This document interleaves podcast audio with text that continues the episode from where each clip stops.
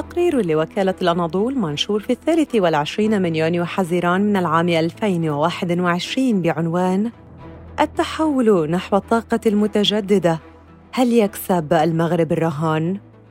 عاد النقاش إلى الواجهة مجددا في المغرب حول خطط الحكومة لإيجاد مصادر بديلة لتغطية حاجات البلاد من الطاقة خاصة أن العاهل المغربي انتقد قبل أشهر تأخر الحكومة في تنفيذ برنامج الطاقة المتجددة.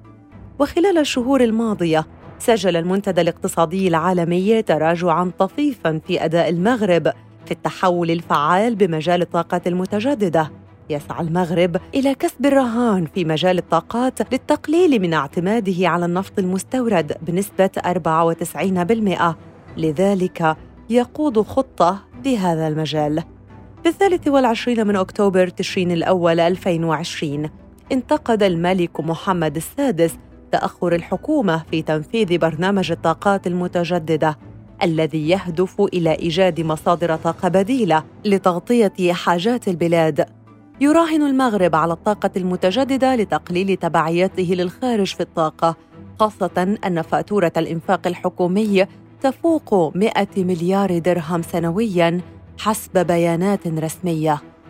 تبلغ القدرة الإجمالية للطاقات المتجددة حاليا 3700 ميجاوات وتمثل حوالي 35% من القدرة الكهربائية المنجزة. وبلغت مساهمتها في تلبية الطلب على الطاقة الكهربائية حوالي 20% سجل المنتدى الاقتصادي العالمي في الحادي والعشرين من إبريل نيسان الماضي تراجعا طفيفا للمغرب في الأداء على الرغم من حلوله في المرتبة الثالثة عربيا بعد قطر والإمارات بتعزيز التحول الفعال في مجال الطاقة للعام 2021 ذكر المنتدى في تقريره السنوي أن المغرب جاء في المرتبة 66 عالمياً وأن التحدي الرئيسي أمامه هو تحول الطاقة الذي يتمثل في معالجة الطلب المتزايد عليها ودعم التنمية الاجتماعية والاقتصادية.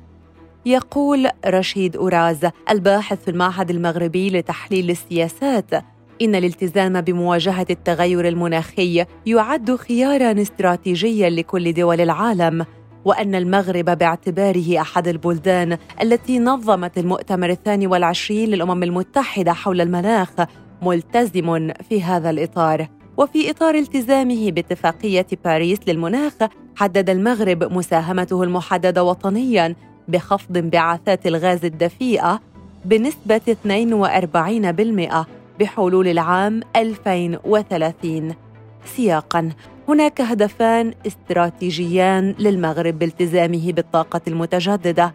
أولهما الالتزام بكل ما تم القيام به على الصعيد الدولي في مجال محاربة التغير المناخي.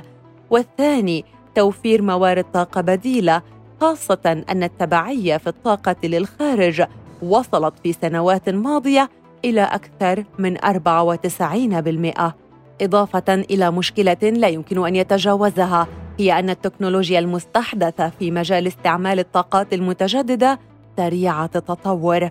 استظهر تقنيات جديدة في كل عام وعليها ليس أمام المغرب خيار آخر. سوى الاستثمار بشكل أكبر فكلما انخفضت الكلفة الإجمالية لاستغلال الموارد الطبيعية سيكون المغرب قادرا على توفير مزيد من الطاقة التي ينتجها بكلفة أقل. علما أن كلفة الطاقات المتجددة في المرحلة الراهنة لا تزال مرتفعة.